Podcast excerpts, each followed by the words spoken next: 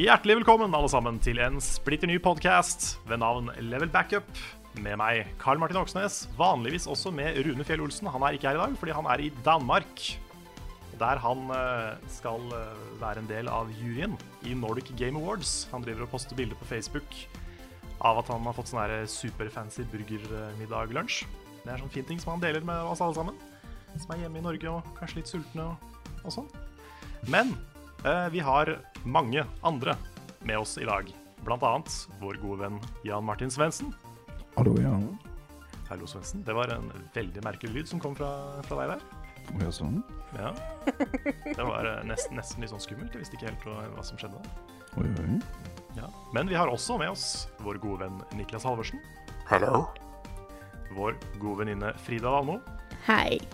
Og vår faste gode venn Lars Håkon Stormbakken. Hallo. Vi er alle gode venner her i Level Up, altså. Men Ja, vil du eh, ikke, så må du. Få kamera. Ja, i hvert fall på kamera. Vi, men vi er jo fem stykker. Det pleier vi ikke å være. Det er, det er vel, så vidt jeg kan huske, bare én gang vi har vært fem stykker. Og det var da vi hadde eh, David og Thomas Pollen fra Level Up Community som gjester. Så, Mm. så dette er eh, nytt og spennende territorie. Eller noe. Spanende. Spennende. Noe morsomt, noe rart. Kveldens rettighet begynner snart. Nettopp. Men ja, det som også begynner snart, det er jo vår gjennomgang av hva vi har spilt i det siste.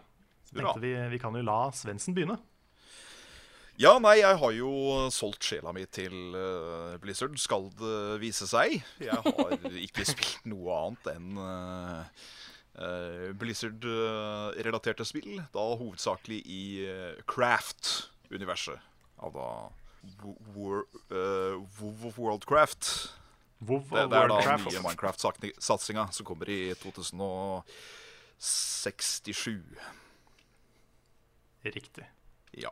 Nei, eh, det har gått veldig mye WoW, gått veldig mye Diablo 3, gått mye Overwatch, og med Heartstone, med da ny uh, ny slikens expansionsbacker, så må den jo eh, få litt eh, card unboxing-dilla. Eh, jeg merker det er noe Det er noe spillegalskap som kliner til når det er uh, lootboxes og åpne hele cardpacks og unfolde og sånn. Da, da går det jævlig med, altså. Ja, that's how they get you. Yeah, that's how they get you.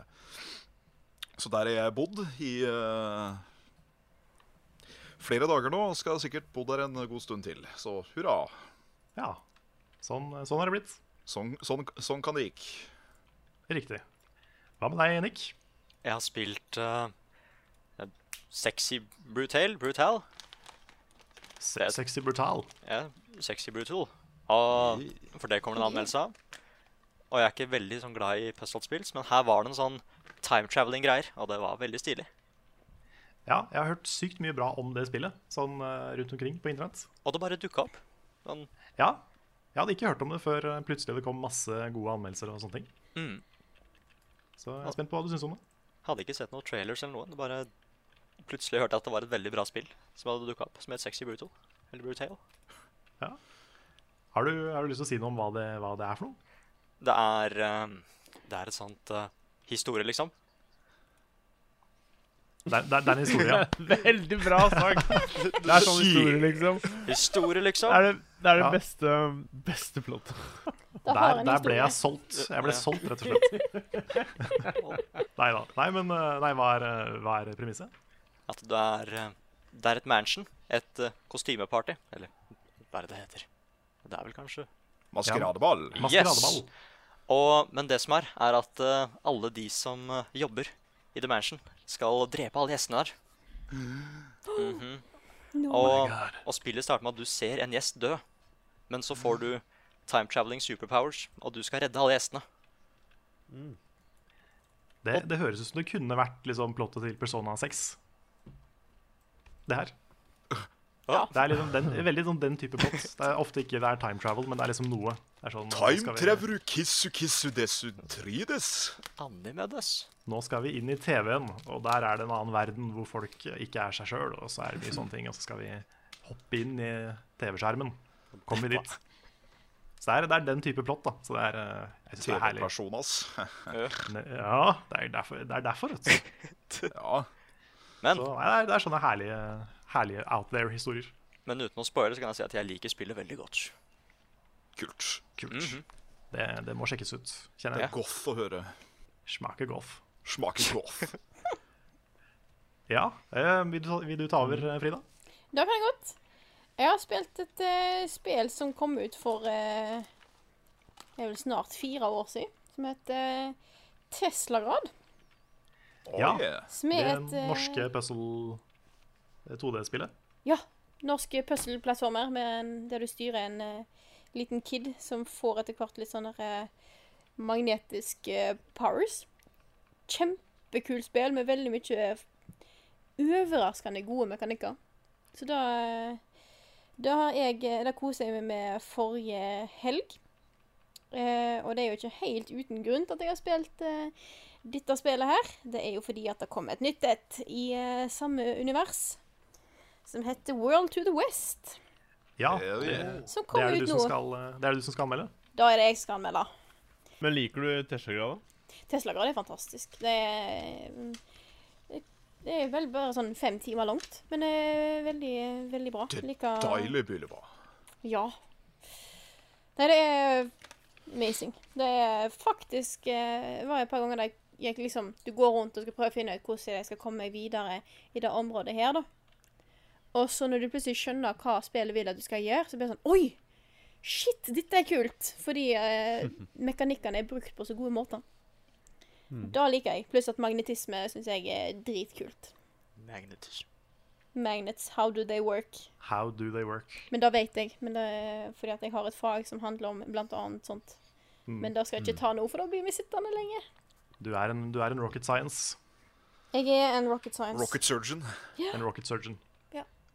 Ja. Lars, du, du er ikke en rocket surgeon, men du har spilt spill, du òg. Var ikke, det var ikke det en utrolig fin overgang? Sånn Segway. Sømløs. Ja, Nå ble den ødelagt, da, siden vi tok den opp. Men ja det gjorde, det gjorde det. Jeg bare ofra den for å si at den var bra. Ja. Tenk om jeg er eh, rocket surgeon i mitt liksom I en sånn skjult alter ego som ikke dere veit om. Nei, det er sant, det. det er, jeg vet aldri. Nei, jeg tror ikke det. Jo, jeg har spilt egentlig bare Heartstone. Uh, det har uh, kommet en ny expansion, da, som Svendsen sa. yay. Og um, det er jo Hva skal jeg si? Uh, det føles litt sånn kjipt at de på en måte har eh, tatt alle de Alle de pengene jeg har brukt inn i tidligere expansion, har de liksom bare sagt at ja, men de kortene er ikke verdt noen ting lenger. Så det er sånn her story, men de pengene er liksom used. Så det er sånn Ja. Det er litt kjipt. Jeg skjønner at det må være sånn, men det er jo Det er litt kjipt allikevel. Så Men du kan jo spille Ja. Bruker de i Wild? du kan det. Men uh, hvem gidder det, da? Det er ikke det samme. Eh, det, er ikke, nei, det er ikke det samme, liksom. Det er sånn derre Jeg hadde ikke noen gode eksempler nå, på en måte, men um, Nei, men det er jo en, Men, det er en litt sånn stygg del av den, der, den modellen. Den eh, litt sånn free to play-kort hvor ting blir gradvis sterkere og sterkere, og du må da bruke mer penger fordi det gamle du kjøpte, ikke er bra nok lenger. Det er jo, eh, jeg tror det er det som heter power creep, hvor ting liksom Men det er ikke bare uh, free to play-modeller heller. Det er uh, det fysiske Pokémon-kortspillet, f.eks. Der og har jo Wild og, og uh, Erar. Ja, det er sant. Uh, men det er jo for så vidt greit, da. Fordi uh, de korta som ble da lagd i første utgivelse av Pokémon-kort, de kan jo ikke måle seg med de som er lagd nå. For nå er jo alt ti ganger sterkere enn det det en gang var i sin tid. Jep. Men, men går det an å liksom lage et spill hvor ikke det skjer? Hvor du bare du får nye kort, men de gjør andre ting istedenfor å gjøre bedre ting? Veit ikke. Det er vanskelig, da. Ja, jeg føler at liksom det, det ville vært en rettferdig ting å gjøre, men jeg vet ikke hvor lett det er. Jeg tror nesten ikke det lar seg gjøre, altså. Nei. Nei, kanskje ikke. Snakker du om Pokémon nå, eller Heartstone?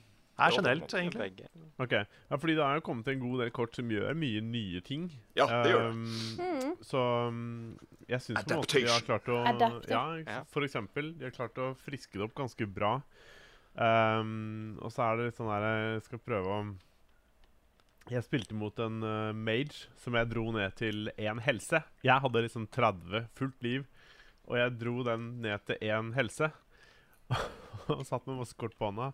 Og da plutselig kommer det frem med liksom masse Molten Giants og sånne, sånne svære giants som du kan legge ut fordi at de går, de går ned i kostnad jo mer helse Nei, jo mindre helse du har, så koster, så koster det ingenting. Så du kunne bare legge ut fem kort pluss en eller annen sånn legendary som hadde blitt buffa opp i løpet av en eller annen uh, greie. Og så la jeg et kort som het Time Travel, som bare hoppa over min runde, så det ble hennes tur igjen. Og da kunne hun spille de fem kortene, og jeg bare. Jeg satt der og var bare Å ja, det går an! Det her er det dummeste jeg har sett. Da, da raga jeg litt, men uh, jeg visste jo ikke om det. Det var litt kult, men samtidig så var det sånn herre Fy fader, lureri. Ja. Så dette er en ting. Ja, men det det er kult. Det Ja, er ja, ikke sant? Det, det var liksom bare sånn trakk Jeg vet ikke. Ja. Trakk, det var ikke bare en kanin som kom ut av den der hatten sånn plutselig. Det var liksom hele Og hele forbanna Petingsøen. Oi, sånn har, sånn har jeg ikke dødd før. skogen som bare Hei! Ja, spennende nye måter å dø på. Ja, kanskje, kanskje det er Heartstone sin undertittel egentlig burde vært. Heartstone, spennende nye måter å dø på.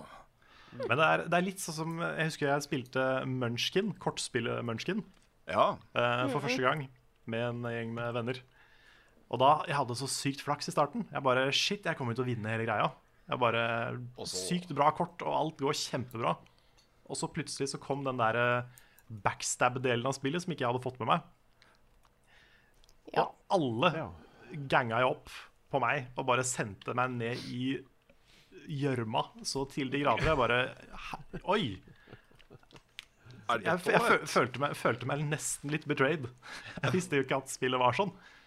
Så det, det var sånn derre Å ja, det er et sånt uvennspill, dette her. Bit fast i puttakjerring nå. Ja. Skal du få lære å spille mennesker. Det er litt sånn jeg føler òg, for at jeg visste ikke at det her var en ting. Og i hvert fall ikke det time travel-kortet. Den Og nye når det kom, så var det bare Ja. sånn herre Det kortet som Majors Mages får når de gjør questen sin. Jeg sa liksom bare Det her er cheat. Det her er ikke lov. Bare masse- over runden min! Det er ingen som sier at det er greit.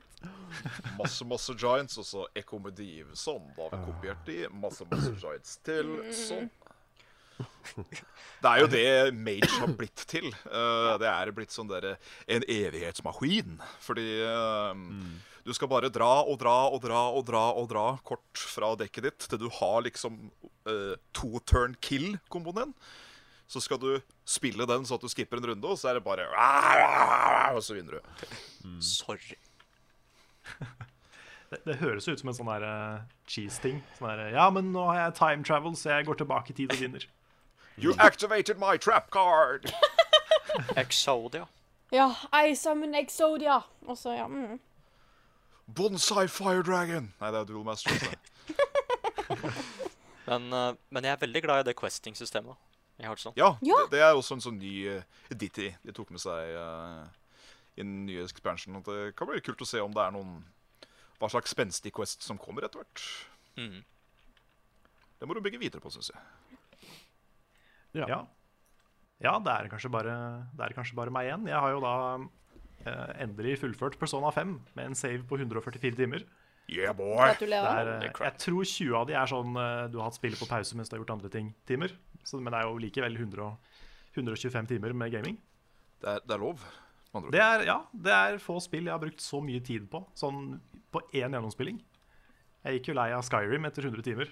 eh, og det at det spillet jeg klarte å liksom holde på oppmerksomheten min i 125 uten at det ble kjipt eller kjedelig eller repetitivt eller noen ting, det er jeg ganske imponert over. Altså. Det skal litt til. Ja, det Det skal det. taler, taler i dens favør. Gjør det. Ja. Og jeg er jo veldig glad i JRPGs, men de kan jo veldig mange av de bli litt repetitive etter hvert. Ja. Ja. Så, så det at det ikke, i hvert fall for meg, da, ble det, det, det syns jeg er bra. Vi har en moderne JRPG som faktisk uh, ikke blir Snorwell. OK? Nei, altså at det er det Persona 5 er. At det er et altså? moderne JRPG som ikke er Snorwell. Ja, det er det, ja, det har jo blitt liksom gradvis færre av dem de siste åra. Ja. sånn som Nino Kuni var jo veldig bra. Og nå kom jo I Am Setsuna. Det var jo bare sånn passe, syns jeg. Ja, For det var det fra Squaresoft, var ikke det?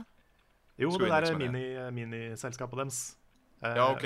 Tokyo RPG Factory, tror jeg. De som skulle lage sånt eh, basically kronetrigger, bare Ja, ikke.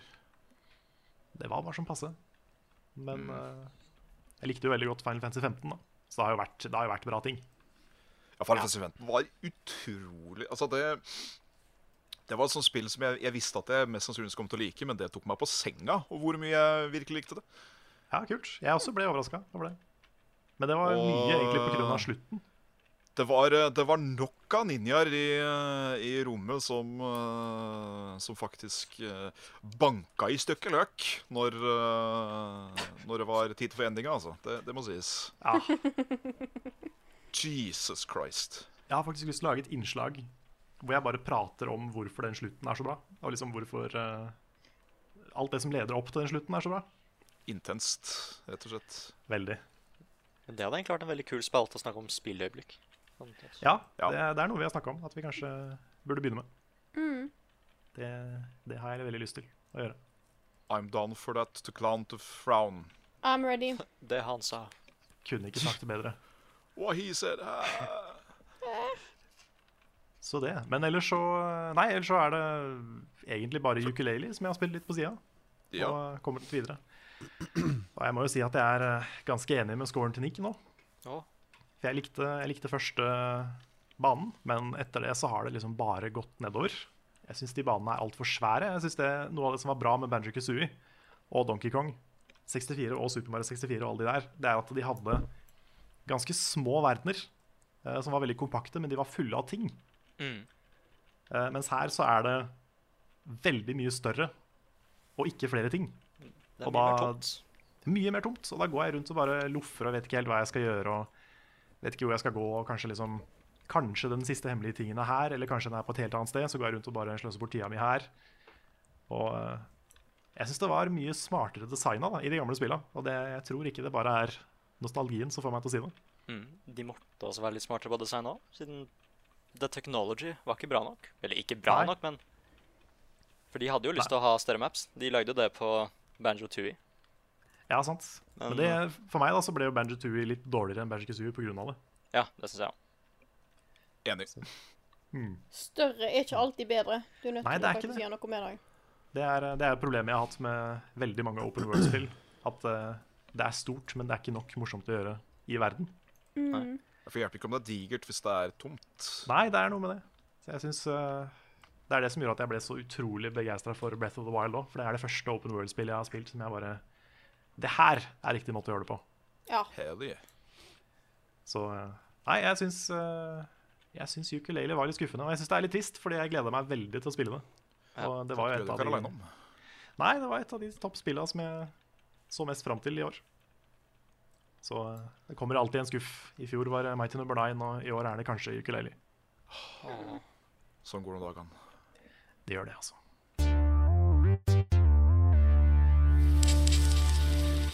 Det er tid for nyheter, og dette er den delen av podkasten som Rune vanligvis tar seg av på en sånn proff og ryddig måte. Det, det, det gjør ikke vi når ikke Rune er her.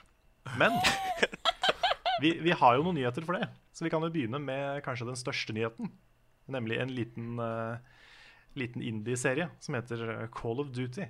Som har fått sitt, uh, sitt nye spill, eller som skal få sitt nye spill. Da basert på andre verdenskrig igjen. Det kom en trailer i går, vel? Var det ikke det? Jo. Og den, eh, den så jo du mens vi streama, Lars. Eh, Du var litt lunken, virka det som. Ja, det var liksom Jeg husker på en måte ekstasen over ehm, traileren til uh, Battlefield 1. Når den uh, kom. Og da Det var veldig sånn spektakulært, kult uh, redigert og kul musikk og hele den pakka. Du ble litt sånn der Å, shit, dette ser kult ut, liksom.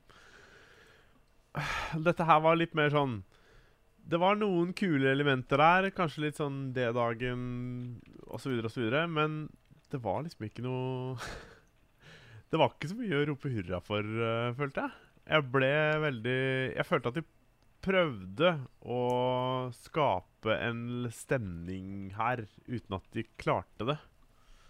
Ja. Mm. Og det, skulle, det blir nok litt fokus på litt uh, noen karakterer og i det hele tatt, men uh, Men er det Ja, sunt skeptisk.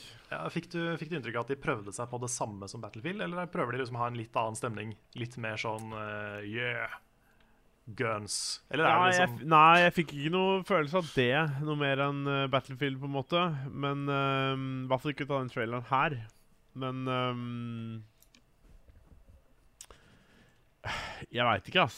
det er umulig å si, føler jeg, per nå. Hva um, Mm. Det er jo vanskelig å lese ting ut av en eh, Mm. CG-trailer. da Det er jo bare Ja. Det er jo ikke noe gameplay eller noen ting. Nei. Nei, det er sant. Ja. Så For jeg fikk den følelsen at, uh, at han du styrer, er en liten, en litt sånn actionhelt. Ja, det kommer nok til å bli sånn Alle COD-spill er jo litt sånn. At du er på en måte the hero all the way. Ja. Ja, Nei, Det blir spennende å se hvilken vinkling de tar. Men uansett så var liksom hele, hele den traileren var veldig sånn low-key og ikke så De skulle prøve å vise noe stort uten at de klarte å få det til. I hvert fall med den traileren der, da. Hmm.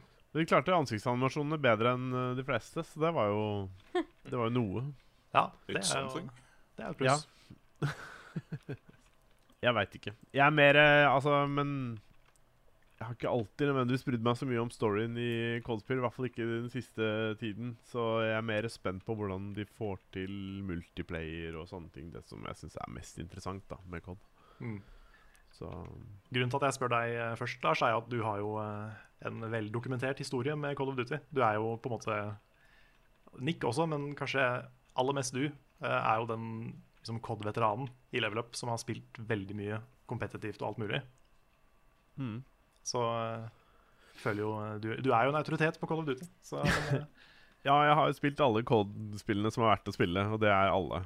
Ikke alle, men jeg har spilt alle. Alle er ikke verdt å spille, men Men ja. Har, det har vært på en måte mitt liv de siste, siden 2008, så det er først de siste åra det har på en måte sklidd mye mer vekk. mm. Men hva, hva tenker du om at de går tilbake til andre verdenskrig? Ja, jeg skulle akkurat til å begynne på det nå, faktisk. Det var bra du spurte om det. Uh, jeg syns det er kult at de går tilbake til, til røttene, for dette var jo det hele COD starta med. Så det blir spennende å se om de klarer å gjøre noe nytt. Til um, enten fortelle ting på en ny måte, eller um, i det hele tatt. Men jeg er mest spent på hva de gjør med multiplieren. Klarer de å holde den low-key og litt sånn nøktern? At ikke det blir hopp og sprett og tjo og hei og um, Ja. For det er um... Ja, det er, det er det som er problemet med de moderne spillene, syns du? At, det- at det er for mye greier.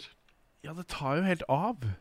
Det er jo så mye ting at Ja, man må liksom Det krever mye av deg for å få med deg alt som skjer. Og jeg skjønner at eh, det er mange som for all del klarer det og syns sikkert det er kult, men jeg, tror for de fleste, i hvert fall av det jeg har hørt av alle jeg kjenner som jeg har spilt COD med, og det er ganske mange, så er det ingen som på en måte har likt den nye veien COD har tatt, med ekstra hopp og fly på veggen og alle disse tingene her. Så Mm. det er spennende å se om de klarer å få det ned på bakken, gjøre det mer interessant igjen. Ja, det er, de, de må Um. kanskje nesten det nå, for du, du kan jo ikke dobbelthoppe under andre verdenskrig. Nei, ikke som vi vet. Det, det er Nei, litt, men det er litt Men det forundrer meg ikke. De kunne finne på en sånn der eh, liksom, Ja, det er en mad scientist som har funnet på et eller annet crazy oppi dette her, ikke sant? Ja, de det, verste er, det verste er at sånn jeg hadde nesten, jeg hadde nesten syntes det var gøy med sånn der eh, gal, litt sånn der eh, gebrokken tysk scientist som bare ah, We must not eh, space-time continuum. Ja. Og Men tror du amerikanerne vil dra noe nytte av det, hvis, liksom, hvis det er en tysker som Nei da. måte Jeg, bare, jeg fikk litt sånn Red Alert-flashbacks nå Ja, jeg skjønner. til storyen der, og det er jo, jeg syns det er hysterisk morsomt. Men ja, tenk, jeg tenk hvor kult det hadde vært. At uh, settingen av andre verdenskrig med en, en helt unik historie. Og så bare begynner det å skje Ja, det kunne vært kult. Det kunne vært kult. De kan jo, det finnes jo spill som vel på en måte har gjort noe sånne crazy ting, og det kan for all del være, men jeg tviler på at det kommer til å kle COD. Og COD prøver jo å være en Ikke direkte en simulator, men de prøver jo å basere seg på ting som eksisterer og finnes. Som Mm. uh, I hvert fall gjorde de det før. Nå skal man ikke si det om disse her eh, nye spillene. Det går ikke an å hoppe på den måten. Ehm, men eh, Det er jo det er sånn spennende, den historiske delen. da Fordi når du, når du lager sci-fi-ting, så kan du på en måte gjøre hva du vil. Mm. Men eh, ja, det- er jo litt sånn ekstra spennende, syns jeg, da når du har den historiske delen i det. For da Bare det å finne ut hvor trofaste de faktisk er mot eh, verdenshistorien, og hvordan ting var, og hvordan ting så ut. Og jeg syns den delen er litt spennende, selv om jeg liker sci-fi. Hvis vi klarer å fortelle en historie som er litt uh, Hva skal jeg si Som kan i hvert fall føles litt nyansert og litt um, litt ny vinkling, ikke bare liksom America fuck yeah, så kan det bli uh, interessant. Ja. Ja. Battlefield klarte jo det på en eksepsjonelt bra måte i Battlefield igjen. Det var liksom Jeg er helt sjokkert over hvor bra det går an å gjøre det. Jeg har aldri spilt noe lignende. Nei. Så Duesekvensen. mm. Jeg har hørt om den duesekvensen. Ja, den, Ja, også den ene historien var ja, den flyhistorien. Ja, Den var bra, altså. ja. Den, den er eh, faktisk helt uh, sjukt bra. Og det er litt sånn derre Ja, den legger liksom opp til og Kan du stole på det du ser, og bla, bla, bla, videre. Det er liksom Jeg liker at spillet har liksom begynt å vise litt kult. forskjellige sider av krig. Sånn, eh, du har jo sånn som Valiant Hearts, som er litt, kanskje, kanskje litt det samme. Så har du Battlefield 1, og så har du jo uh, Wolfenstein, som tar det helt ut med liksom den der cartoony, ekstreme greia. mm. Og eh, ja, mye forskjellig. This War of Mine, selvfølgelig, som har en helt, helt annen vinkling. Ja. Så det er, det er stilig. Det er bra at, eh, at det er litt variasjon og sånn. Det er spennende.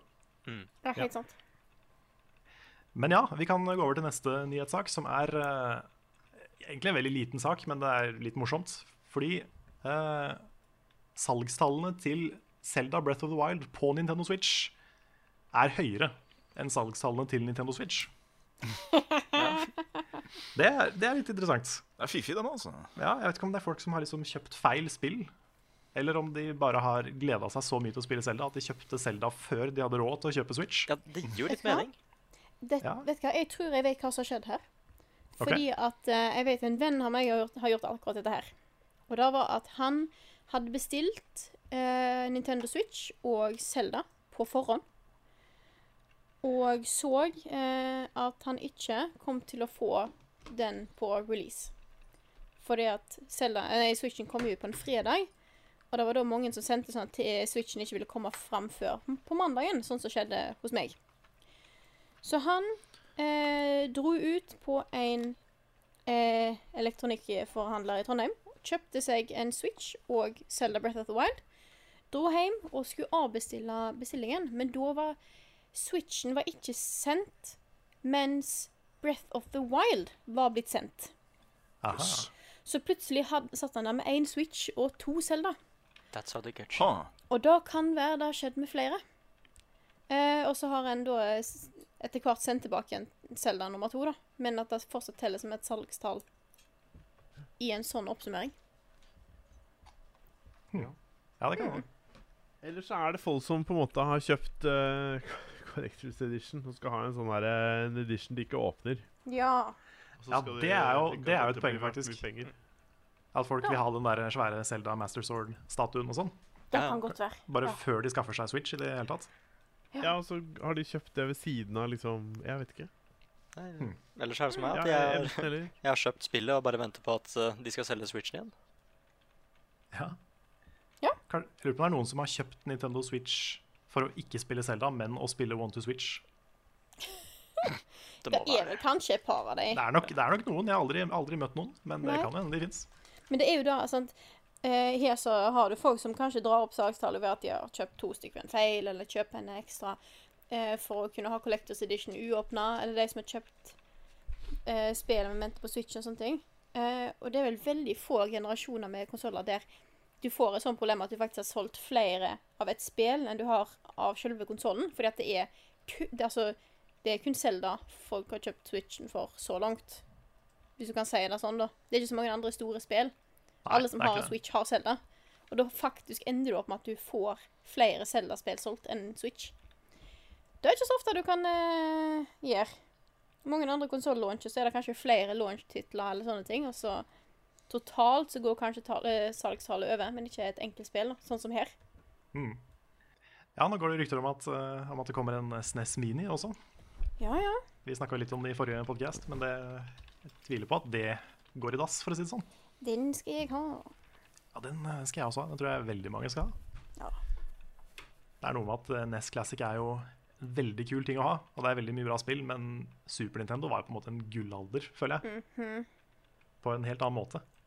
Den tror jeg har en ganske kraftig appell for folk. Og så har jo jeg en NES, vet du. Eller på en måte. Han ligger jo fortsatt på kontoret i Oslo, men jeg har en NES. Så, Ja, det er sant. Ikke bare NES, du har en sånn super-NES. Ja. Det var, det var ikke meninga å være en pønn, men det var, du er en kjempebra NES. Ikke, altså ikke en Super Nintendo, men en Super Nintendo. Men jeg må nok ha meg eh, den eh, SNES-minien hvis, det- hvis, det hvis ryktene stemmer, da. Da er det spørsmål og svar. Vi har fått inn ganske mye bra på både Patreon og Facebook eh, denne uka her. Vi kan begynne med et spørsmål fra Ove, enten Persson eller Person. For det står, det står bare Person, men det kan hende han heter Persson. Da er det person. Det er nok kanskje Person, ja. Hallo, person. Hallo, Person. Han skriver publisher får til tider mye tyn for å kanskje ødelegge slash begrense spill ved at de tvinger inn multiplayer eller rusher release f.eks. Men kommer dere på noen eksempler hvor publisher har gjort noe gode eller positive endringsforslag til det endelige resultatet? Uh, jo, Assassin's Creed sin multiplayer, kanskje? Men jeg tror ikke den Ja. skulle være der originalt. I Bloodrood. Nei, det kan hende. Ja, den er veldig bra. Den er veldig bra. Den har jeg kost meg mye med. Ja, jeg, jeg kjenner at jeg kan ikke så mye om nøyaktig hva publishere har gjort og ikke gjort. Men uh, den beste tingen med publishere er jo at de går inn med penger og funder ting som er bra. De fleste store spill hadde vi jo ikke hatt hvis ikke det var for en eller annen person med veldig mye penger. De, jo, de har jo absolutt sin plass, og det er, eh, det er ofte man er negativ til de, fordi det skjer eh, mye grums, og de får skylda, og noen ganger så har de skylda. Men eh, det er absolutt en eh, nyttig og viktig del av eh, spillmarkedet. Nødvendighet. En nødvendighet, Mhm. rett og slett. Men jeg vet ikke, har dere noe, kommer dere på noe som liksom dere vet at publisher har stått bak? Nei. Ikke noe som kom til to mind.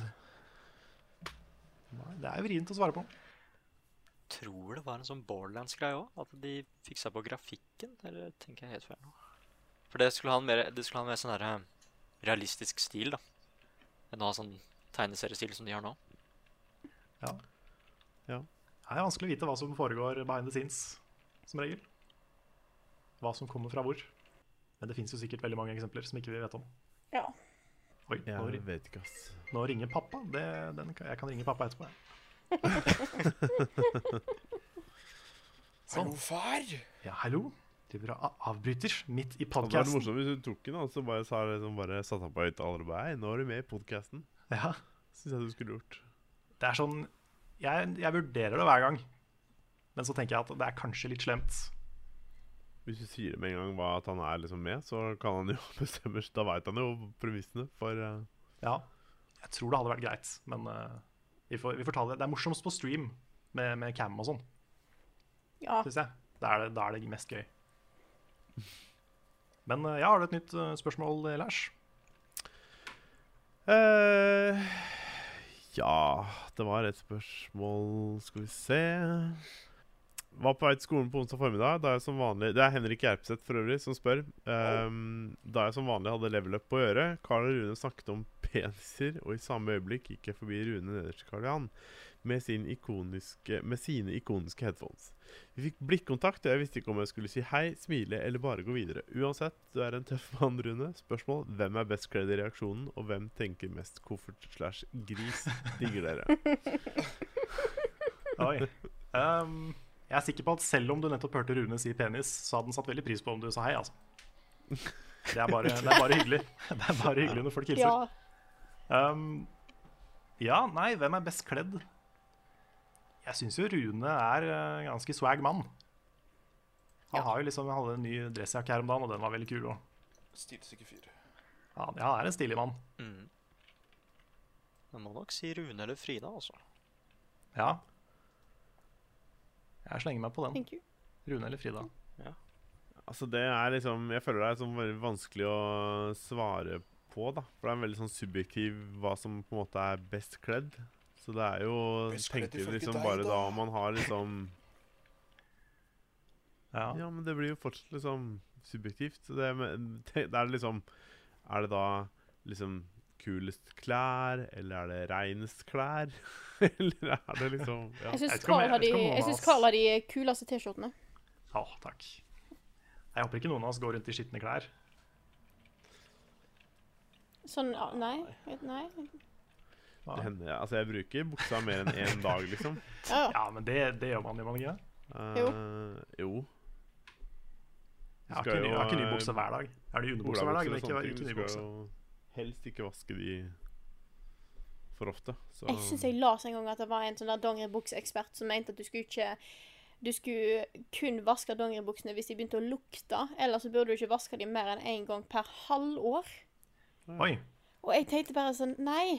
Nei, da hadde jeg følt meg gross. Hvis jeg hadde gått i en, lenge i en bukse uten å liksom vaske den eller bytte bukse, Det er lenge. ja, det er lenge. spørs hvordan den føles, da. Det er sånn, Da føler jeg da Da buksa kan stå av seg sjøl. da setter man, ja, da, da setter man buksa høyere enn hygienen, føler jeg. Da er det for sent, Ja. liksom. Men hvem er det som tenker mest koffert slash gris, da? Deg, kanskje? Ja, Jeg, Ja. jeg Jeg tror kan kanskje melde meg sjøl på den pallen, altså. Det er ikke noe problem. Jeg føler altså, har det er problem med å liksom Jeg føler det er likt, jeg. Mellom, mellom Bjørn, Svendsen, Lars og meg, kanskje. Altså, det er Jeg kan fint dra de fleste tingene til å være høres litt sånn Innuendo-aktig ut, men øhm, Og ringer pappa igjen. jeg veit ikke om jeg tenker så veldig koffert. Åh, nei, Kanskje selge, sende pappa en melding og spørre eller, eller si hva du gjør. Eller liksom, ja. Mm. Jeg tror jeg må gjøre det. Men uh, vi, kan jo, vi kan jo ta neste, neste spørsmål. Mhm. Skal vi se her. uh, det er et litt personlig spørsmål, jeg spurte deg på forhånd om det var greit, Svensen Svendsen. Ja. Det er fra Anders Hole. Han sier eh, spørsmål som jeg er veldig spent på. Svendsen, hvordan er det å ha et langforhold, altså langdistanseforhold, som du har operert med i en god stund? Er det ikke utrolig vanskelig? Først og fremst må jeg bare si at det er noe forbanna dritt. Det er, eh, det er, et, det er et lite helvete, sånn sett. Fordi uh, uh, det, det merkelige med det var at uh, jeg og James, vi blei jo i gåsetegn her sammen før vi møttes fysisk. Og siden vi da ikke hadde møtt hverandre fysisk ennå, så visste vi liksom heller ikke hva vi gikk glipp av, da, i den forstand. Men rundt disse tider i fjor så kom jo James på besøk eh, hjem til meg i Norve Norwegian. eh, og hadde en veldig veldig hyggelig tid. Og da begynte man jo å merke ganske fort etter han hadde dratt igjen, at fader, dette her er litt sånn keitete. At det er så langt unna. Eh, For det er jo ikke bare bare å ta seg turen. Det, ikke, det koster jo ikke tre kroner å reise til Canada tilbake igjen. Eller er omvendt, for den saks skyld. Uh, men vi får det til å funke. Vi spiller veldig mye sammen. Vi skyper jo veldig mye. eh, Fire til fem ganger i uka.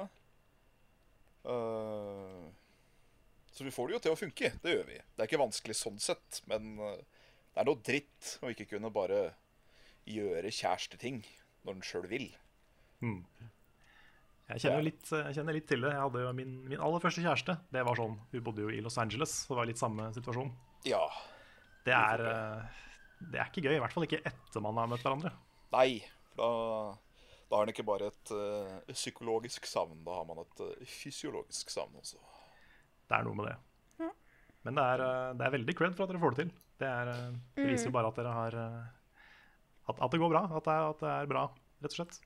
Ja, Man har jo prata så vidt om, om flytting, og hver gang jeg tar det opp, så klarer jeg å overbevise han bitte, bitte litt mer til å flytte ned til Norge. Ja, du får ta den med deg. Ja, jeg putter den i lomma, og så tar jeg den med meg. Ja. Ja, det må du bare gjøre. Ja, eh, vi har et spørsmål fra Erik eh, Gjelde. Han, han sier Total Biscuit gikk for en stund tilbake og kritiserte Gearbox for å ha gått inn i, et samarbeids i en samarbeidsavtale med G2A. Kritikken endte med at Gearbox trakk avtalen pga. G2A sin dårlige kundebehandling og diverse gråsoner i måten selskapet driftes. Mitt spørsmål er hva deres syn på G2A. Er det greit at bl.a. The Gathering er en stolt samarbeidspartner med G2A? Jeg har ikke satt meg sånn Nei, jeg har så voldsomt inn i info Jeg har litt. For jeg har sett uh, den videoen som han gikk ut med. Uh, for tingen var jo da at uh, Han gikk jo og snakka med Gearbox. Og fortalte de litt hvordan situasjonen er i G2A. For G2A har vel gjort en del shady ting. Ja, de har Eh, et veldig shady rykte på seg for Ja. å selge litt sånn ulovlige spillkoder og det, en det del da sånne ting, det er, De sier at de har gode metoder for å sjekke om folk uh, selger koder som er stjålet. Men så dette, dette er liksom Nå forteller jeg det som jeg har hørt fra den videoen som han la ut Dette er ikke min mening, jeg har ingen fact-check i det her i det hele tatt. Men det virker som at det er veldig lett å kunne eh, Hvis du har stjålet noen sin eh, kortinformasjon eller et eller annet, får tak i eller stjålet koder og sånne ting, og så får du solgt de der og får penger for det, så er det visst ikke så lett å De blir ikke stoppa så fort, da. Sånn at det, er, det skjer litt sånn hvitvasking av penger og litt sånne ting der òg. Og det er jo ikke helt greit. Og så har de ikke helt gode system for å plukke opp dette her. Så jeg tror, hvis jeg husker rett nå, så var det Total Biscuit som gikk til Gearbox, og de fikk Jeg har fortalt eh, litt om dette her, og Gearbox endte opp med å sette en del krav til G2A om hva de måtte fikse for at avtalen deres skulle gjelde, og da ville ikke G2A gå med på. Og da endte vel med at Gearbox trakk sin avtale. Ja. Ja, det er jo, jeg har fått med meg at det er ganske mange youtubere også som er sponsa av eh, G2A, også i Norge. Eh, så de er jo en veldig populær, populært selskap å bli sponsa av. Men uh, uten at jeg liksom kan noe direkte om hva de har og ikke har gjort, og hva som er sant og hva som er spekulasjon, og sånne ting, så er det jo alltid veldig viktig å være kritisk til hvem man uh, går inn i samarbeid med. Men jeg skjønner jeg skjønner jo òg at det er vanskelig Det er en vanskelig situasjon G2A er i òg, fordi at jeg tror ikke nødvendigvis at de er rett gjennom Evil Corporation, liksom. Jeg tror bare da at modellen de har, gjør at det er vanskelig å plukke opp de som har stjålne koder, da. Hmm. Ja, jeg, jeg, litt, jeg er litt redd- for å si noe bastant på noe av det, For jeg, jeg kan ikke nok om det. Det er det jeg jo sier nå, at jeg sier at dette er ting jeg har hørt, men jeg har ingen kilder på det. Sånn at det kan være jeg tar fullstendig feil. Eh, og jeg eh, vil ikke stemple nødvendigvis Gearbox som bare fanden sjøl, da. Uten å faktisk ha facts på det. Nei. Det er vel litt sånn grått uh, marked de driver og jobber i. Um, så hvor grensa går på lovligheten og sånne ting der, det, det er vanskelig å uttale seg om. Det, ja. det, er, det er mulig vi kan ta opp den eh, G2A-greia igjen en annen gang når vi har gjort litt mer research på det. Ja. Bare så ikke vi, bare så ikke vi sier noe feil. Eh, men vi kan gå videre til et spørsmål fra Otto Knof. Vi er, eh, han sier at vi har sagt navnet hans feil. Eh, beklager det, Otto. Vi visste ikke det. Um, er, jeg tror vi har sagt Otto Knop, men det, er, det riktige er Otto Knof. Otto von Knopf. Otto von Knof. Han sier Hei, folkens. Jeg drister meg denne gangen til en observasjon. Det er utrolig vanskelig å merge spill du har kjøpt fra før av utenom Steam inn til Steam. Eksempel, jeg forhåndsbestilte Elder Scrolls Online før Steam implementerte det i sine tjenester. Og det er ikke mulig å legge inn min gamle konto til Steam. Jeg må faktisk kjøpe spillet på nytt for å kunne bruke det via Steam. Så til mitt spørsmål, har dere noen lignende opplevelser, og eventuelt hva gjorde dere for å løse dette? De har jeg ikke. Nei, det har jeg ikke skjønt. Nei, hva, på- hva, jeg skjønte ikke hele greia. Hva, at han Nei, hvis du, hvis du har kjøpt et spill utenom Steam, så er det vanskelig å få det til å funke med Steam-funksjoner, da må du kjøpe det på nytt. Det er teit. Det er teit. Men det blir jo litt som eh, Du har kjøpt uh, Ting som jeg syns er teit i verden, er da at jeg ikke kan få mine spill som jeg har kjøpt på Wii, uh, Nintendo Store, på Wii U, selv om mm. de er i samme store.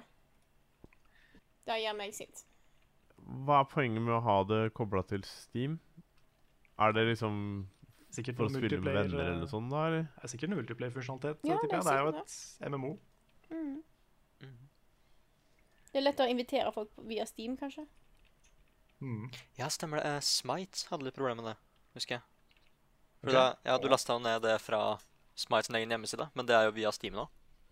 Og da tror jeg det også var veldig mye problemer med det, med å spille med venner som var Du måtte liksom være på den samme holdt på å si, konsollen, da. Eller bruke det samme programmet til å kjøre spillet. Ulykke. Eneste jeg har hatt av sånn eh, veldig irriterende den type problemer, det var da jeg skulle prøve å si opp Xbox Live Gold. Okay.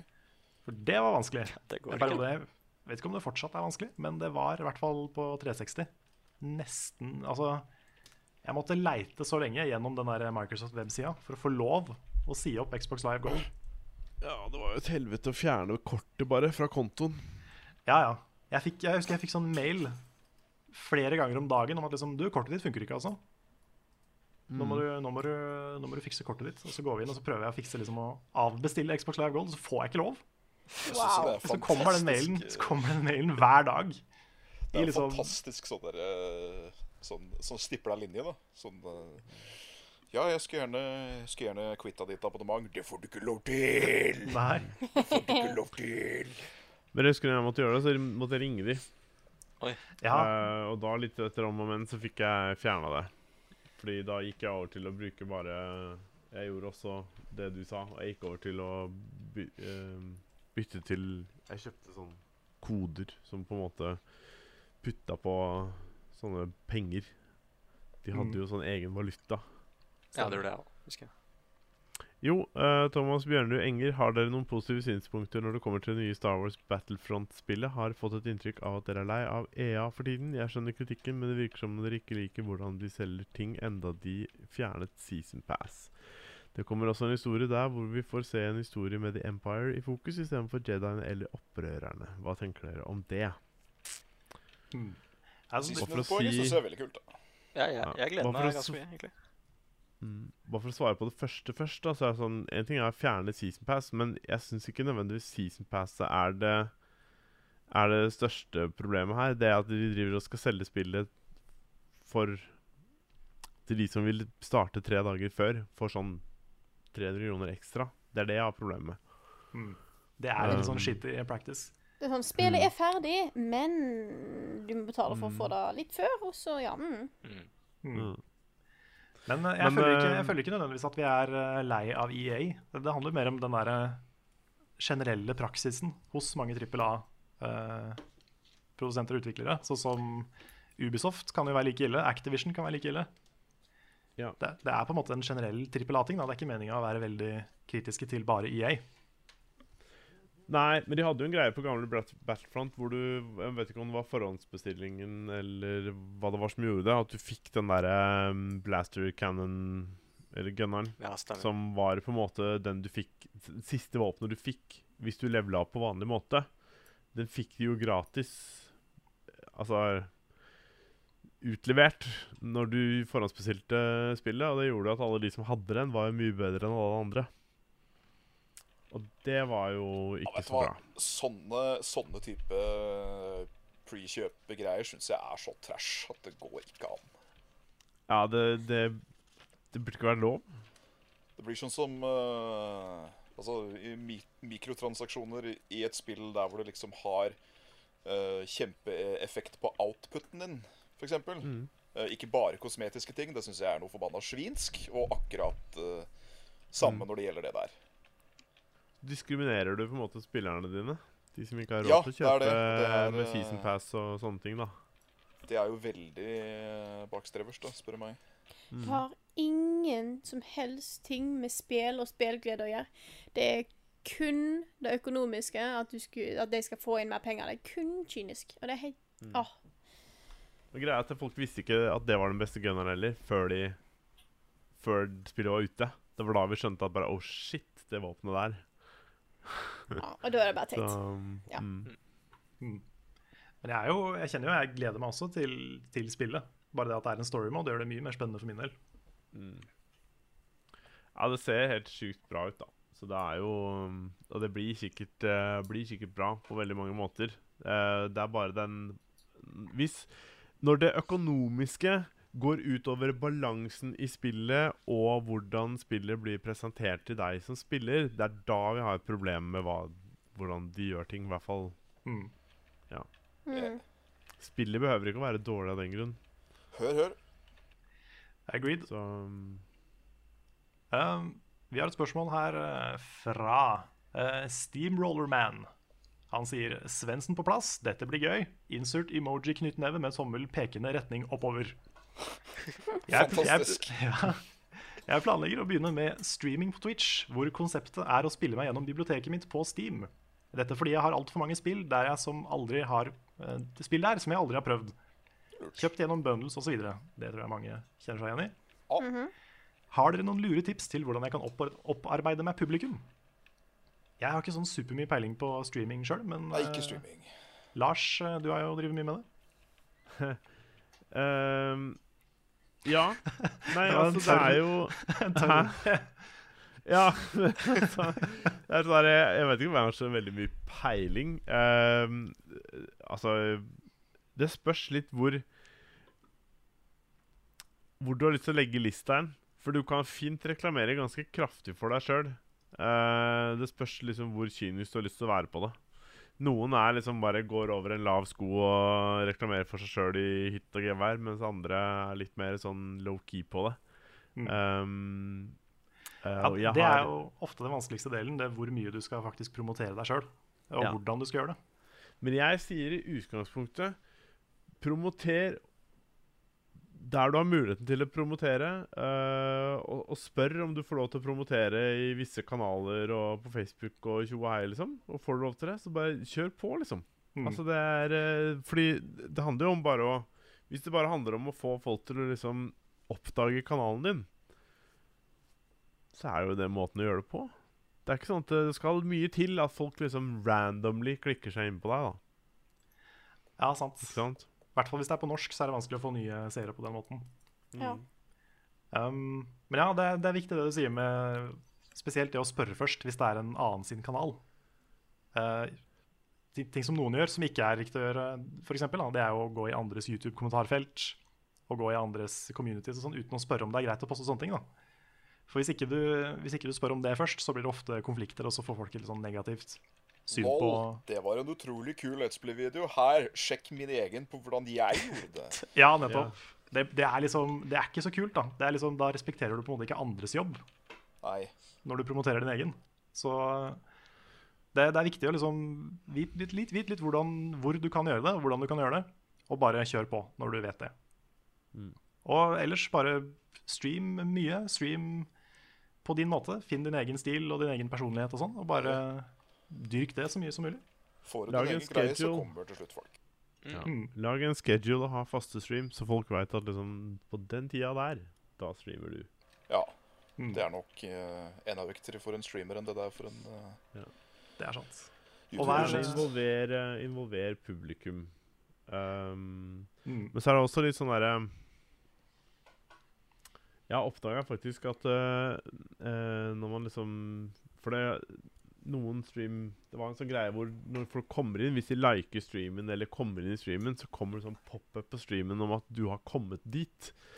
Og det er jo det er noen som ikke har lyst til å ha den oppmerksomheten. Ja. og Ja, de det er sant. forsvinner ofte fort fra den kanalen igjen hvis, de, hvis sånne ting skjer. Mm. Og sånn har jeg fått feedback på et par ganger, og det var litt sånn der, eh, så jeg slutta med å ha sånne ting som kom opp. For jeg visste ikke at det liksom Selvfølgelig, det er kanskje ytterst få, men det er jo Ja, men jeg kan kjenne meg igjen i det hvis jeg bare har lyst til å lurke på en stream, liksom. Ikke gjøre noe ut av at sånn Hallo, her er jeg. Jeg vet ikke hvis du donerer og sånn, eller du tar og trykker på subscribe for å få en betalt greie. Men det å bare være der, mener jeg, det må jo kunne gå upåaktet hen, tenker jeg da. Ja, men det er mange som har sånne som, som fanger opp vet du, når du kommer inn på streamen. Jeg visste, visste ikke at det var en ting. Um, Nei, ikke Nei, jeg. ikke heller. ah, ja, det er um, enten om du kommer inn, eller om du liker, eller ja, Altså følger streamen. For spesielt følger streamen, da. Mm. En, eh, en annen ting da, som er litt viktig å, å si, føler jeg, det er at vær forberedt på at det tar veldig lang tid Ja. å få et publikum. Fordi eh, det er på en måte hvis du, hvis du skal streame mye, så pass på at det er fordi du liker å streame, og fordi du syns det er gøy å holde på med det. For, eh, for å ta meg som et eksempel, da, så fikk jo jeg Jeg lå under 500 subscribers de første fem åra jeg drev med YouTube.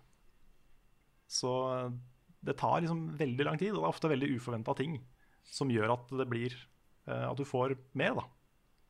Sånn, jeg eksploderte jo pga. Minecraft før Minecraft ble en stor ting på YouTube. Men det gjorde jo at liksom min kanal plutselig eksploderte etter fem år. Så det er, eh, det er vanskelig å forutse, og det er vanskelig å på en måte planlegge det. Og det tar veldig veldig lang tid. Hvis det tar veldig lang tid, og hvis det går treigt og dårlig, så betyr ikke det at du er dårlig. Det betyr bare at sånn, sånn er det ofte.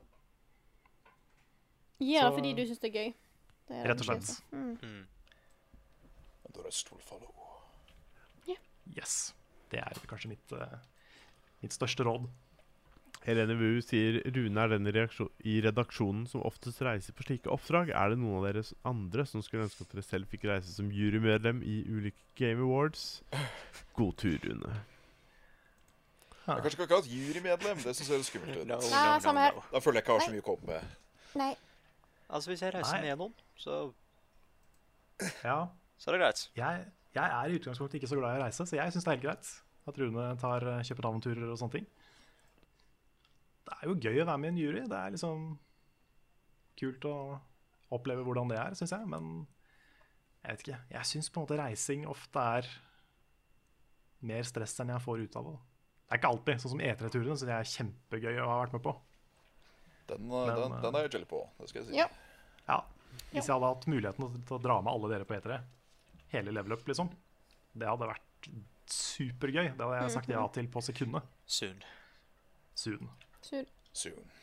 Men sånne litt sånn mindre turer, da, så er det ofte Det plager meg ikke at andre, at andre tar de. Nei. Har litt sånn reiseangst og litt sånn reisestress for ting. Så det, det er greit. Ja. Jeg har ikke noe problem med å reise, men jeg har ikke noe veldig behov for å sitte i jurymedlem i den her Game Award-tingen. Um, Jeg syns det er veldig kult at Rune gjør det. da. Mm. helt sant. Det er jo en, det er en veldig stilig pris å være, være en del av. Jeg føler ut, uten tvil at han er jo en av de som, eh, som uh, He matches that bill pretty well i redaksjonen. Ja, det synes ja. jeg. det å sende han som jury til noe spillrelatert, det, det føles liksom riktig. Mm. Ja. Han er jo i hvert fall, i hvert fall etter at Jon Cato ble spilldesignsjef og ikke yeah. spilljournalist, så er jo på en måte Rune en av de absolutt eh, mest erfarne spilljournalistene vi har i Norge. Indeed. Så det, det er velfortjent at han blir invitert på sånt, syns jeg. Ja, eh, Vi kan ta et fra Kristoffer Gettoboys Hansen Leistad. Han sier noe jeg savner i livestreamen. Fortsettelse av spill. F.eks. fortsette med det herlige spillet Press X to Jason.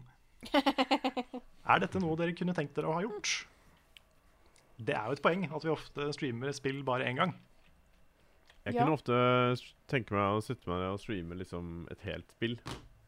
Mm. Um, Istedenfor å bare streame to timer. Man får veldig sånn Sånn som starten av Kingdom Hearts. Jeg satt og tenkte på det, så er det sånn her, det, det er veldig lange introer, og det tar veldig lang tid før du kommer godt inn i det. Um, og du får liksom ikke med deg så veldig mye da i løpet av de to timene. Nei, sant. Jeg er litt todelt eh, på det. Men det er litt fordi vi prater om veldig mye andre ting i streams. Ja. Så um, jeg tror hvis jeg skulle gjort noe veldig langt og liksom gått gjennom et helt spill, så ville jeg kanskje heller gjort det i sånn Let's Play-format. Hvor jeg kan gå litt i dybden på spillet og snakke om ting mens de skjer og sånn. Problemet er hvis vi skal liksom Hvis vi bruker det streamingformatet vi har nå, da. uh, og skal spille et helt spill, hvis det er litt sånn story eller et eller annet, story eller et eller annet sånt greier, plutselig så har en gått glipp av ting fordi at vi har sittet og snakka om Jeg vet ikke, jeg. Hva Ja, som men man uh, bør Ja. jo ikke sitte Man bør jo ikke være liksom fem stykker hvis man skal streame Hvis jeg skulle streame f.eks. Um, Thimbleweed Park, Ja, det er sant. så, um, så er det snakk om liksom meg og eventuelt én til. At vi Mm. er liksom to stykker. Og hvis man er flere enn to, uh, så bør man også være klar over at um, Eller bør man tenke litt annerledes i de streamene, tenker jeg, da. At da er det liksom Her er det fokus på spillet, storyen. Vi skal liksom, det er det vi skal fokusere på. Ja, vi kan svare på litt spørsmål innimellom, men vi skal prøve å få med og underholde folk om spillet, ikke sant? Mm. Men er det jeg Mm. mente, at med den eh, Det kan være vanskelig med den type streaming som vi har akkurat nå. Det er at Du må Mm. ha et annet konsept da, hvis du skal Mm. Hvis det ikke var på Mm. onsdager. Ja, det går jo an å liksom Kanskje, da. Jeg vet ikke om det er en god idé, men kanskje lage et sånt uh, skille hvor vi kommuniserer på forhånd hva slags type stream det er. Om det er en stream der vi skal følge med på spillet, eller en stream der vi skal slappe av og prate med chatten. Jeg streamer gjerne hele spill, og spiller hele spill på stream. Jeg syns det er en veldig kos måte å gjøre det på. Jeg har gjort det så mange ganger på min egen kanal. Funker dritbra for meg. Mm. Men vi har jo hatt stream der vi har fortsatt. Det var vel, det var vel enten Bloodborne eller Dark Souls. Det var vel Bloodborne, kanskje? Det Jo, det var, det var før, vi, før vi gikk indie. Var i Turbagun på eventyr. Stemmer. Ja, det var, det var hele Bloodborne. Ja. Til slutt. Og så hadde Streama vi vi alltid de? Ja, det gjorde Ja. vi. Ja, ok. Og, og så har vi streama hele Super Mario 64, men det var bare to streams, da. Så det var litt lettere å Ja. bare ta Mm. andre halvdel av. Så det, vi har jo gjort det. Ja, jeg kunne egentlig tenke meg å gjøre det mer. Vi må bare finne spill som ikke kanskje ikke er 45 timer lange. eller 120. Eller 120. Jeg tror ikke jeg hopper ut i en eh, full playthrough av Persona 5 med det første. altså. Hva? Skuffende. Jeg kan ikke Ja. skjønne at Nei. Jeg beklager altså, de som, de som forventa det. det men, men kanskje en dag. Kanskje en dag. Soon. Soon, maybe not. Soon? Spørsmålstegn. Soonish. Soonish. Nå klarte jeg da å klikke på uh, sida når jeg skulle finne et spørsmål. Så da forsvant den derre mm, Kjempefint. Hvis dere holder eh, bitte litt, så skal jeg ha et, altså. Ja, jeg kan, jeg kan ta et i mellomtida hvis du Um, vil. Nei da. Eh, det går bra. Eh, vi kan ta et par korte her. Jon Petter Wiig spør om vi kommer til å anmelde Atlas 2. Ja, det, Svendsen, kommer du til å gjøre det? er, du, er, du, er du klar for det? Jeg er jo egentlig ikke det, for jeg har jo ingen erfaring med eneren i det hele tatt. Men du, hva hvis jeg kommer til deg, og så spiller vi de? Å, gud a meg. Det er, et, det er det verste spillet det, En av de verste spillet jeg har prøvd. Um, Som en skumleste, ehm, liksom? Ja. Ja. Det er helt forferdelig. Men har sett en Let's Player, eh, jeg, tenker liksom Ja, jeg tenker Mm. liksom hvis, hvis man skulle vært, liksom, kunne vært flere om det, så hadde det vært greit. Hmm. Jeg kan uh, holde deg i uh, hånda mens du spiller. Ja, Gjerne det. Så det er to hender på den ene sida av kontrollen. Ja. Vi, vi, får ta, vi får ta den litt på bakrommet, kanskje. Mm. Det, det er en tja. Tja. En tja. Tja. Tje. Tje. Vi kan ta, vi kan ta et spørsmål her fra Øyvind Riser. ja. Nå, nå det jeg, tenker, jeg, må, jeg ser ekstra godt etter for at ikke jeg sier navn feil. Til Carl og Co. Jeg har sett gjennom de tre sesongene av Minecraft Multi-Hardcore på YouTube. Det er fantastisk underholdning, spesielt sesong tre, når Rune fikk prøve seg litt. Ja. Er det, er det lagt på hylla for godt, eller kan vi forvente en sesong fire hvis dere får tid en gang? Da hadde det vært kult å ha hatt med hele Level Up-redaksjonen, og Bjørn da selvfølgelig, sånn at han kan dø i første episode. Ser gjerne et gjensyn med dette, men forstår hvis det ikke blir tid til det med alt annet dere gjør. Stå på videre, dere er bra. Tusen takk. Øyvind. Takk, takk. Veldig hyggelig kommentar. Og jeg har veldig lyst til å lage en sesong fire. Jeg så jo egentlig på sesong tre som en sånn eh, serieavslutning Mm. da vi lagde det. Men det har jo kommet en ny versjon av Ender Dragon, og det har kommet nye ting vi kan prøve oss på. Kanskje vi skulle prøvd oss på ultra hardcore Oi, oi. Og den eh, type ting. Så Nei, jeg har, jeg har veldig lyst til å lage en eh, level up edition med liksom hele redaksjonen og kanskje noen eh, Hva skal man kalle det? Fan favorites fra originalteamet. Mhm. Det hadde vært gøy. Veldig gøy.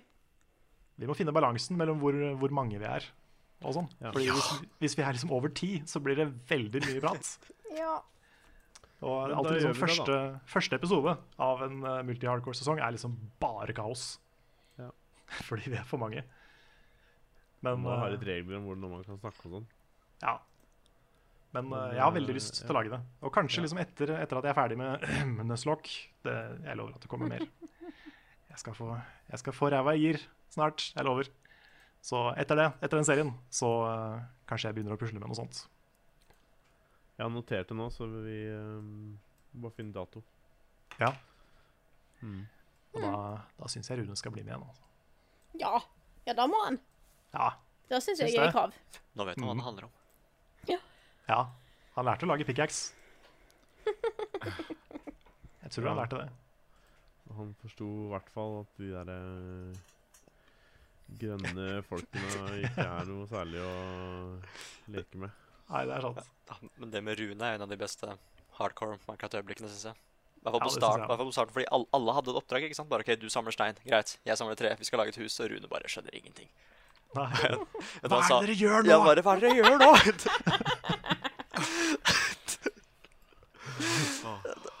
Det var, jeg, vet ikke hvor gøy, jeg, det er å ikke dø.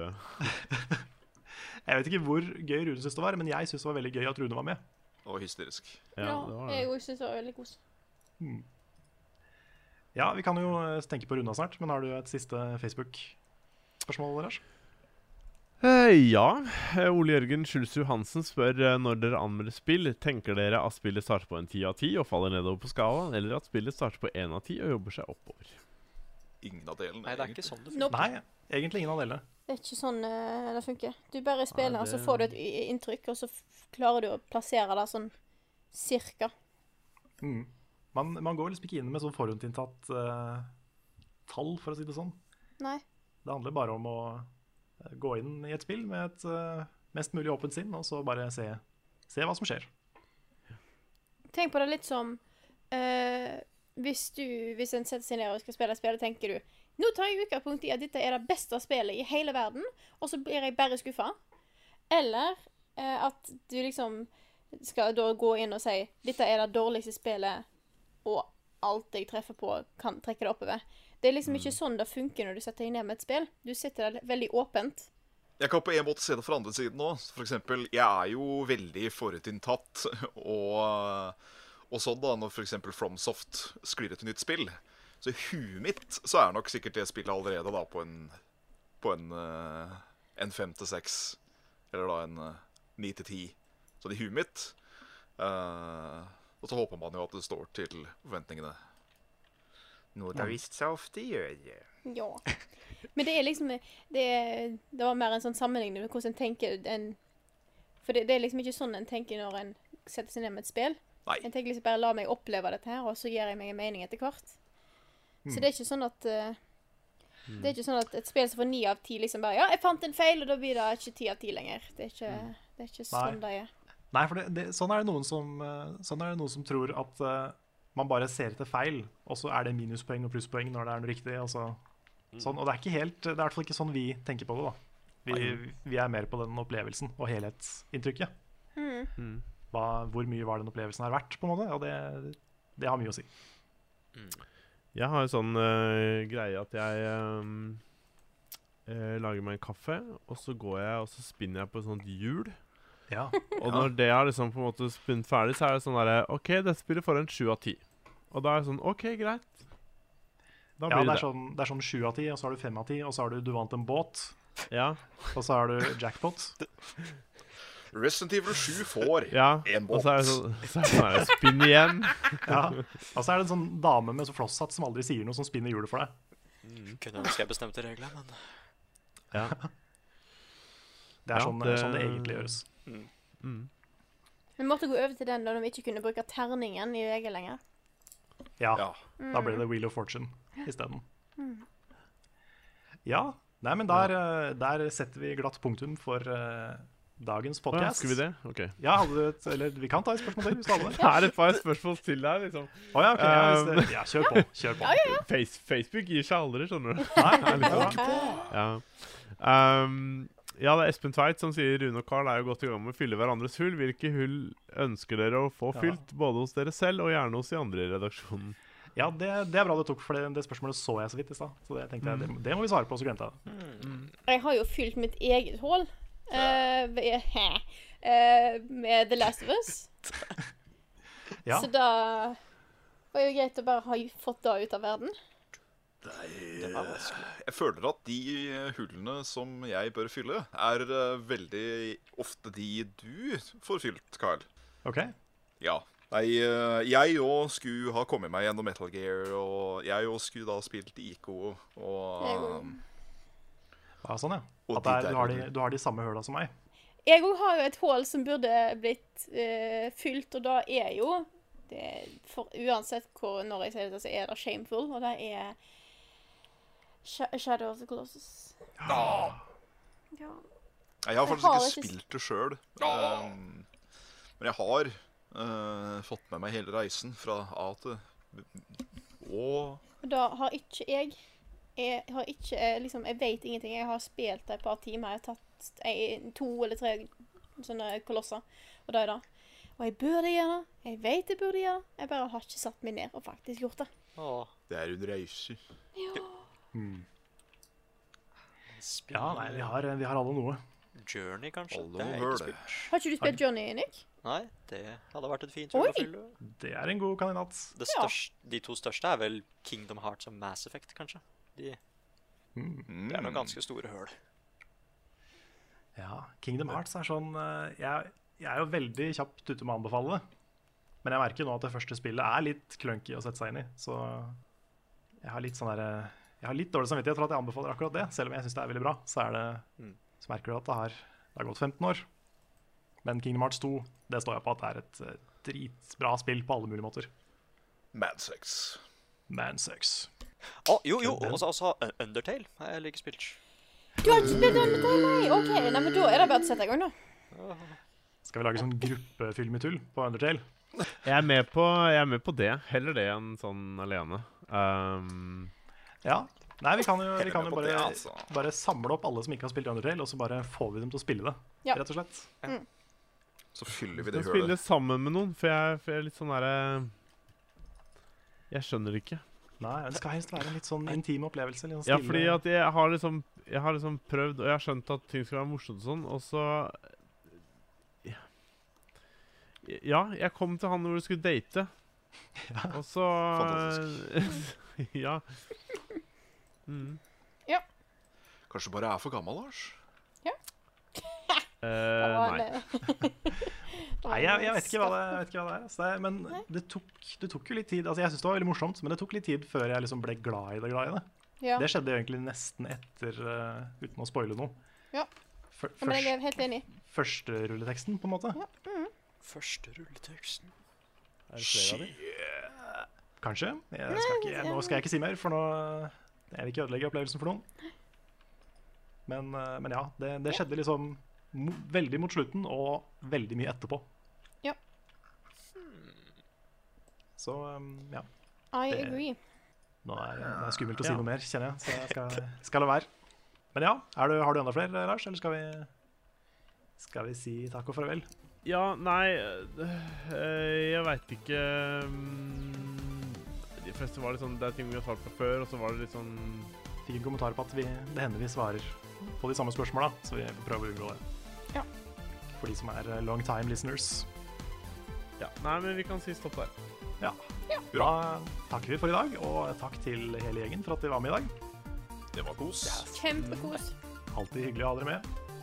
Alltid hyggelig å være her. Mm. Og ikke minst takk til alle som backer oss på Patreon. Dere oppfyller karrieredrømmene våre hver dag, rett og slett. Hurra. Vi Ja. kunne ikke gjort dette uten dere. Vi er veldig glad i dere. Så det.